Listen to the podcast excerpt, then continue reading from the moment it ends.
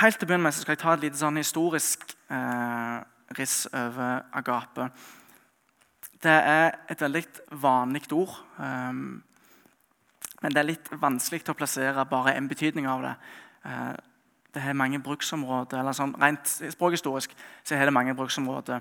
Og Det kan bety eh, å hilse noen eller å gi ære. Eh, det kan bety å søke eller å lengte, begjære etter noe eller noen.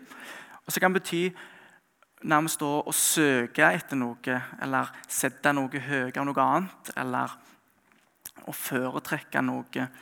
Eh, så det, på en måte så, så skårer det litt med, med, det som vi oftest tenker i forhold til agape, om, om Guds kjærlighet. Eh, jeg skal forklare litt mer til det. Men rent sånn språkhistorisk så er det et veldig sånn bredt bruksområde. Kanskje det er best å oversette det bare med 'å vise kjærlighet' eller 'å ha kjær'. Eller bare egentlig rett kjærlighet. Eh, men det er, det er veldig mye som ligger bak det. bare for å ha sagt det. Så er det en ting til som er veldig viktig når vi snakker om spesielt når vi snakker om disse enkeltordene. Um, på Jesus' i tid, og spesielt før Jesus' tid, så foregikk det en del um, kobling mellom hebraisk og gresk. Altså Hebraisk er det språket som, som Gammeltestamentet er skrevet av. Det som opprinnelig var jødene sitt språk.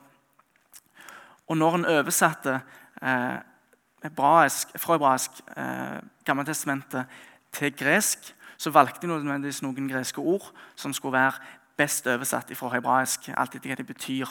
Og Gape blir brukt veldig ofte i den greske oversettelsen, så mye som 335 ganger. Som er eh, enormt mange ganger.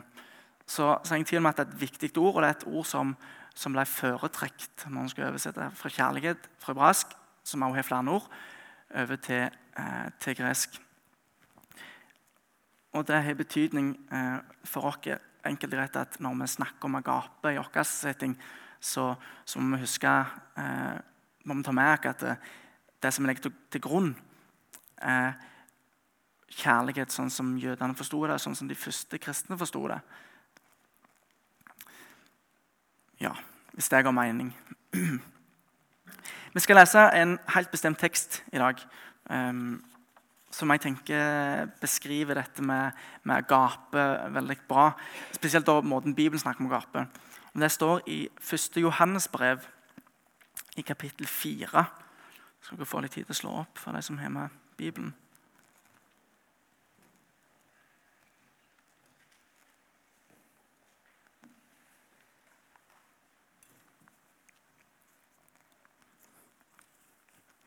Det kan også nevnes det at eh, hver gang ordet 'kjærlighet' eh, Også av det første 'mine kjære'.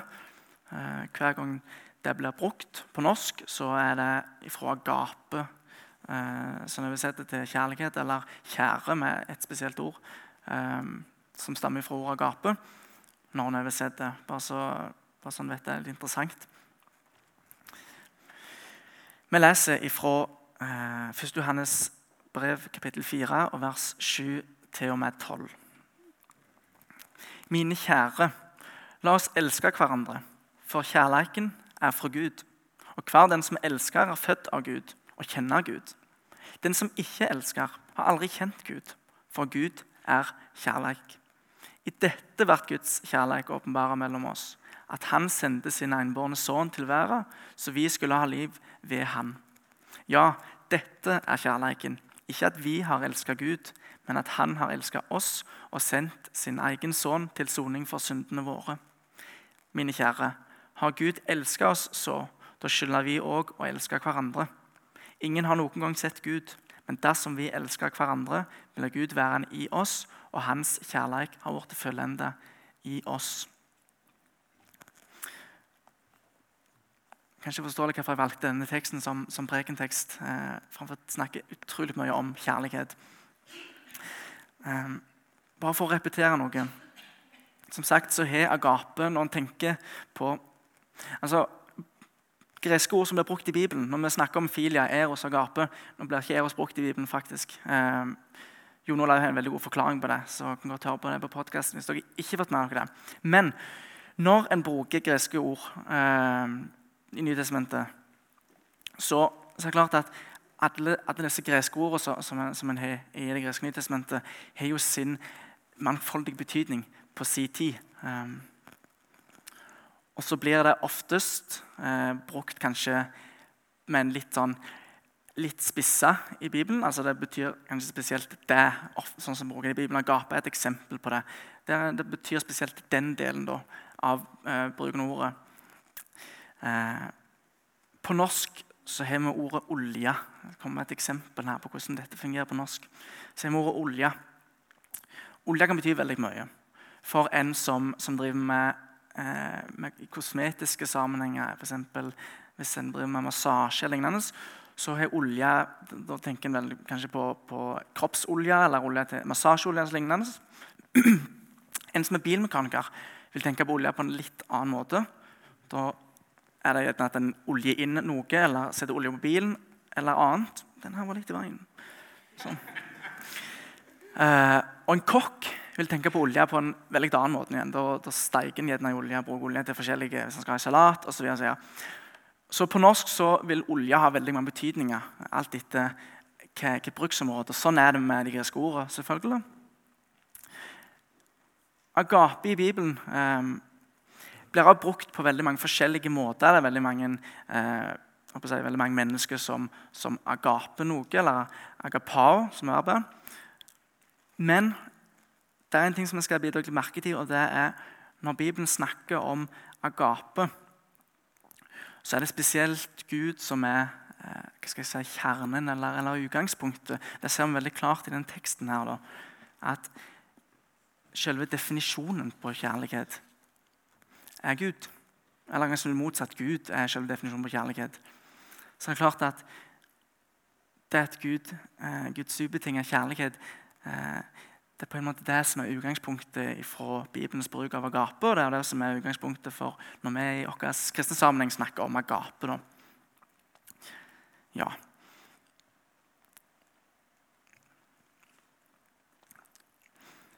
Fra den teksten som har lest, den står vel oppe, så må jeg få den opp. da.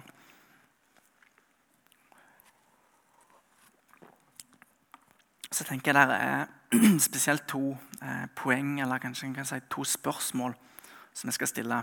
Det første er hva er kjærlighet? Og Det andre spørsmålet er hva har det å si for oss kristne i praksis?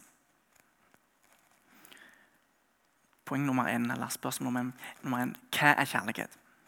Når teksten vil fortelle dere hva kjærlighet er, så peker den på, på Gud sjøl. Så hvis vi spør ja, hva, hva, kjærlighet, hva, hva er egentlig kjærlighet, så sier teksten at Gud er kjærlighet. Eller hva er agape? Gud er agape. Um, og Det betyr at Gud er i sin, sin natur, i sin essens, så er Gud kjærlighet. Han er personlig, han er nær, han er aktiv, han, han ser. Han er ikke, altså Gud er ikke ovenfor og forbi den forstand at han er ingenting å gjøre med oss mennesker. Ikke, ikke ser oss, ikke, ikke er delaktige i historien og former historien. Gud er kjærlighet, og Gud er nær, og Gud er med i det som skjer med menneskene. Og så er Det også utrolig viktig å påpeke at eh, det at Gud er kjærlighet, det utelukker ikke at han er, er hellig eller at han er nidkjær, som det står i noen oversettelser. Eh, det, det utelukker ikke at han er vred på synd. Gud hater synd. Men han liker vel kjærlighet.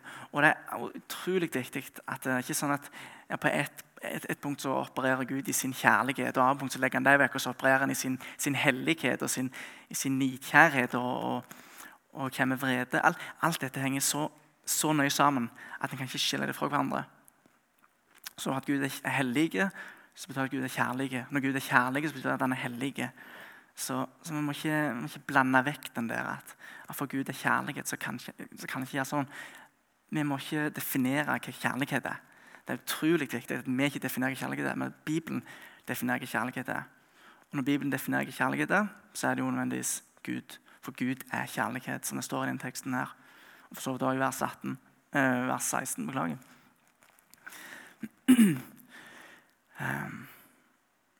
ja. Og så forteller denne teksten en ting til under, under punktet 'Hva er kjærlighet?' Altså, Vi kan spørre ja, ok, Gud er kjærlighet. Teksten sier det, vi leser det. Men så er spørsmålet hvordan kan vi vite at Gud er kjærlighet? Hvordan kan vi se dette?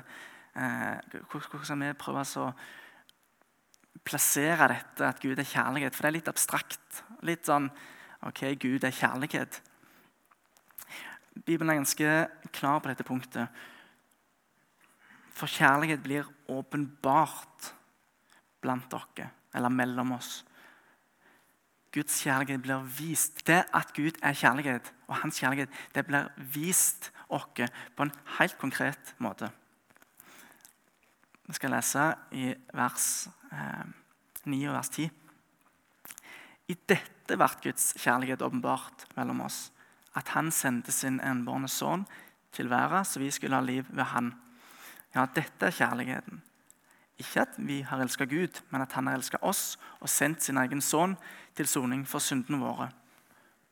Så Måten vi får se at Gud er kjærlighet på, måten vi får se at Gud elsker oss, at han sender sin egen sønn for å dø for våre synder. Han sender Jesus for å dø for våre synder. Og Kanskje en ikke helt tenkte over det, men det er nøyaktig det samme som Johannes 3, 16 forteller dere. For så elska Gud verden, at han ga sin sønn den enbårne, for at hver den som tror på han, ikke skal gå fortapt, men ha evig liv.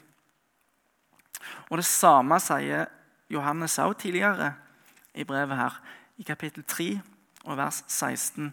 Så kan du huske både Johannes 3,16 og 1. Johannes 3,16 for dere som liker sånn huskeregler. Hva kjærlighet er, har vi lært av at Jesus ga livet sitt for oss. Så skylder vi òg å gi livet for søsknene våre. Altså, hva kjærlighet er, har vi lært.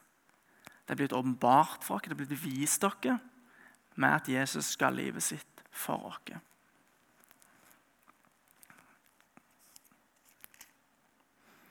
Det er ganske Det er egentlig veldig finurlig hvis en prøver å plassere litt med litt flere ord Gud er hellige, han er syndefri, han er allmektig, han er uforgjengelig. Alle disse tingene som, som, som, Gud er, som jeg kan på en måte kalle perfekt, hvis en vil.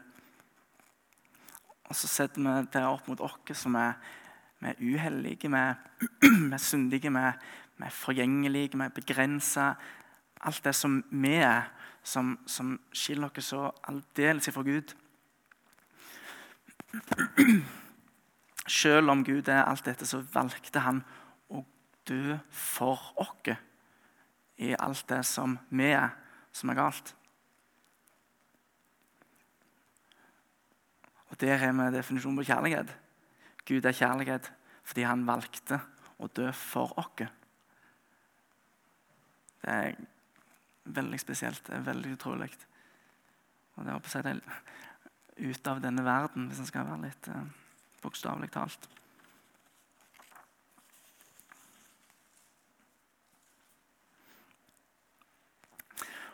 Og så er et punkt til som, som teksten eh, forteller dere. For altså Gud dør for oss, vi får ta imot dette. Men så skal det gjøre noe med oss. Det skal, det skal bety noe for oss. Det at Gud er kjærlighet, det skal ikke bare være noe som, som vi snakker om. Men, men teksten utfordrer oss til å, til å mest handle på dette budskapet og reflektere dette ut til våre medsøsken, ut til våre medmennesker. Vi skal lese, eh, lese vers vers 11 og vers 12 igjen. Mine kjære, har Gud elsket oss så, da skylder vi òg å elske hverandre. Ingen har noen gang sett Gud, men dersom vi elsker hverandre, blir Gud værende i oss, og hans kjærlighet har vært fullenda i oss. Og Det er selvfølgelig ikke bare for å ha sagt det, det er jo selvfølgelig ikke en sånn en, ja, Gud elsker oss så, så mye Gud elsker oss. Derfor, derfor må vi elske hverandre. Hvis ikke så kan ikke vi bli frelst. Altså, sånn, tilbake til at En skal bli frelst med å gjøre noe. Det er absolutt ikke den teksten vil fram til. Frelsen er av nåde alene uansett. Det er, det er ingen, ingen, vei utenom. Hvis en prøver å bli frelst på gjerninger, så, så står det verre til. Det, det, er veldig viktig å, å ha med oss bakteppet. Eh, vers 19 sier jo at vi elsker for han elsker oss først. Så alt starter med Gud. Han elsker oss. Vi får ta imot, vi blir frelst. Og så blir vi kalt til å elske hverandre som søsken. Reflektere at Gud er kjærlighet. Det skal, skal gjennomsyre vårt fellesskap som menighet, og som enkeltpersoner overfor hverandre. Og så er det en ting til som er veldig viktig. Og Da skal vi tilbake igjen i kapittel 3, eh, vers 16-18. For denne, altså, Det at Gud er kjærlighet, det vises veldig konkret. Han dør for oss. Og så blir vi kalt til å vise en konkret kjærlighet til hverandre. Ikke som en slags sånn, en, en annen idé en annen som, som snakker om. Jeg skal lese vers 16-18. Hva kjærlighet er Jeg kan lese på nynorsk. Beklager. Hva kjærlighet er, har vi lært av at Jesus ga livet sitt for oss. Så skylder òg vi å gi livet for søsknene våre. Men den som har mer enn nok å leve av, og likevel leter i hjertet sitt når han ser bror sin Lianau, hvordan kan han ha Guds kjærlighet i seg? Mine barn, la oss elske hverandre, ikke med tomme ord, men i gjerning og sanning. Så blir vi kalt til å la dette reflekteres konkret, i, gjerning, i noe vi gjør. Ikke for å bli frelst. Jeg må, jeg må bare terpe på den. Vi snakker om, når vi snakker om det å, å gjøre gjerninger, det, kristne, det, som hører til det kristne liv, for vi terpe veldig mye på at det er ikke det som frelser oss. Det er kun nåde.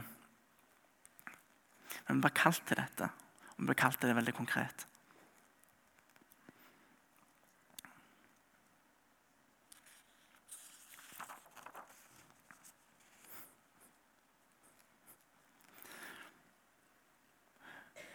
Og så har jeg lyst, jeg har lyst til å tygge enda mer på dette som har med evangeliet å gjøre.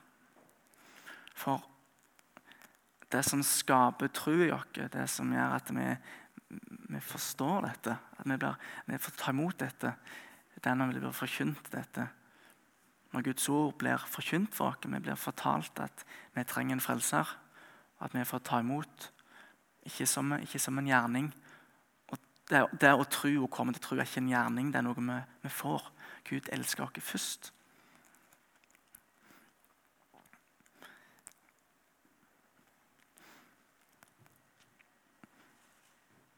Og Det ser vi så enormt klart på korset.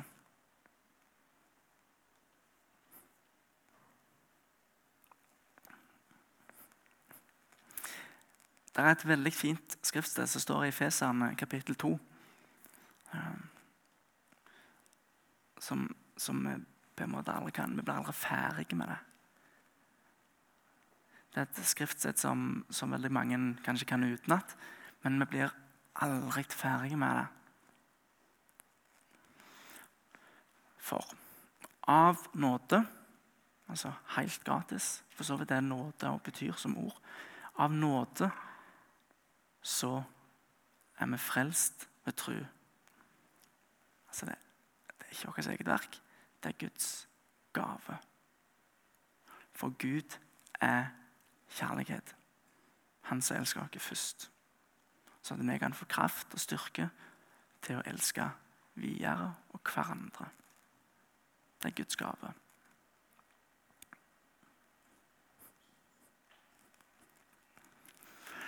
Jeg har veldig lyst til å lese teksten enda en gang. Når vi har alt dette her i bakgrunnen, så kan det være godt å lese teksten enda en gang. Vi, aldri, vi, må aldri tro det at eh, når vi leser tekst, en tekst en gang, så er vi ferdige med den teksten. Når vi leser den en gang, og så kan vi lese den igjen, og så leser vi den igjen, og så leser vi den igjen. Og sånn skal vi si resten av livet. Um, og vi vil lære nye ting, og vi ber Gud om å vise oss nye ting. Hjelpe oss til å forstå. Jeg skal bare be en liten bønn før vi leser teksten en gang til. Jesus, hjelp oss til å forstå enda mer av dette når vi leser din tekst, den teksten her, når vi leser ditt ord. Hjelp oss til å ta det til oss i vårt eget liv. Vi klarer ikke å forstå det på egen hånd. Vi klarer ikke å ta det til oss på egen hånd. Det er noe du må gi oss. Det er noe du må vise oss. Amen. Vi leser 1. Johannes brev, kapittel 4, vers 7-12 en gang til.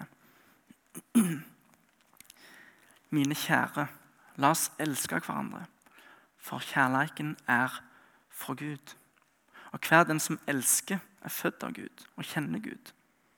Den som ikke elsker, har aldri kjent Gud, for Gud er kjærlighet. I dette ble Guds kjærlighet åpenbart mellom oss. At han sendte sin enbårne sønn til verden, så vi skulle ha liv ved han. Ja, dette er kjærligheten.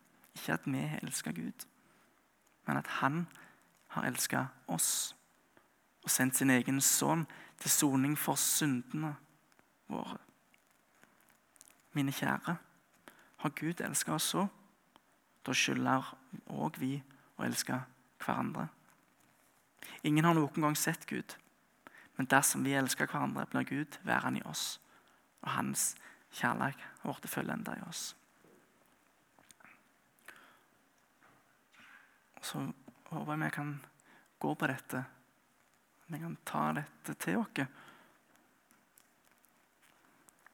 Og så skal ikke jeg ta for gitt at alle som sitter her Jeg tok imot dette, at alle som sitter her, er kristne.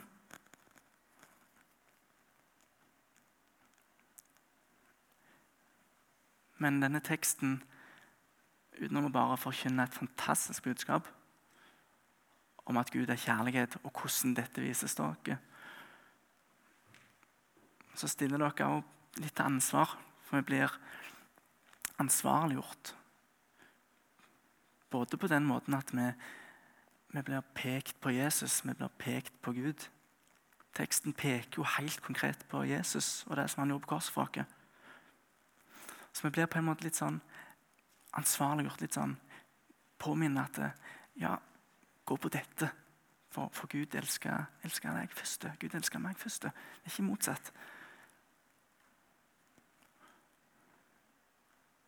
Og så blir vi også ansvarliggjort på å elske hverandre. Og så blir vi også ansvarliggjort i den grad at Gud kaller på oss hvis vi ikke tok imot det.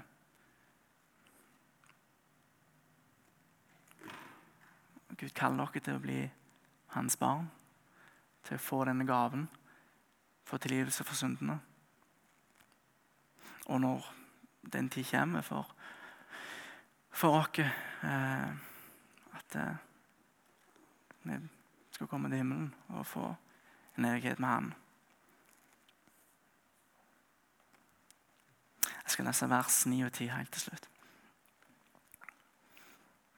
I dette ble Guds kjærlighet åpenbart mellom oss. At Han sendte sin enbårne sønn til verden, så vi skulle ha liv ved Han. Ja, dette er kjærligheten. Ikke at vi har elska Gud, men at Han har elska oss og sendt sin egen sønn til soning for synden vår. Amen.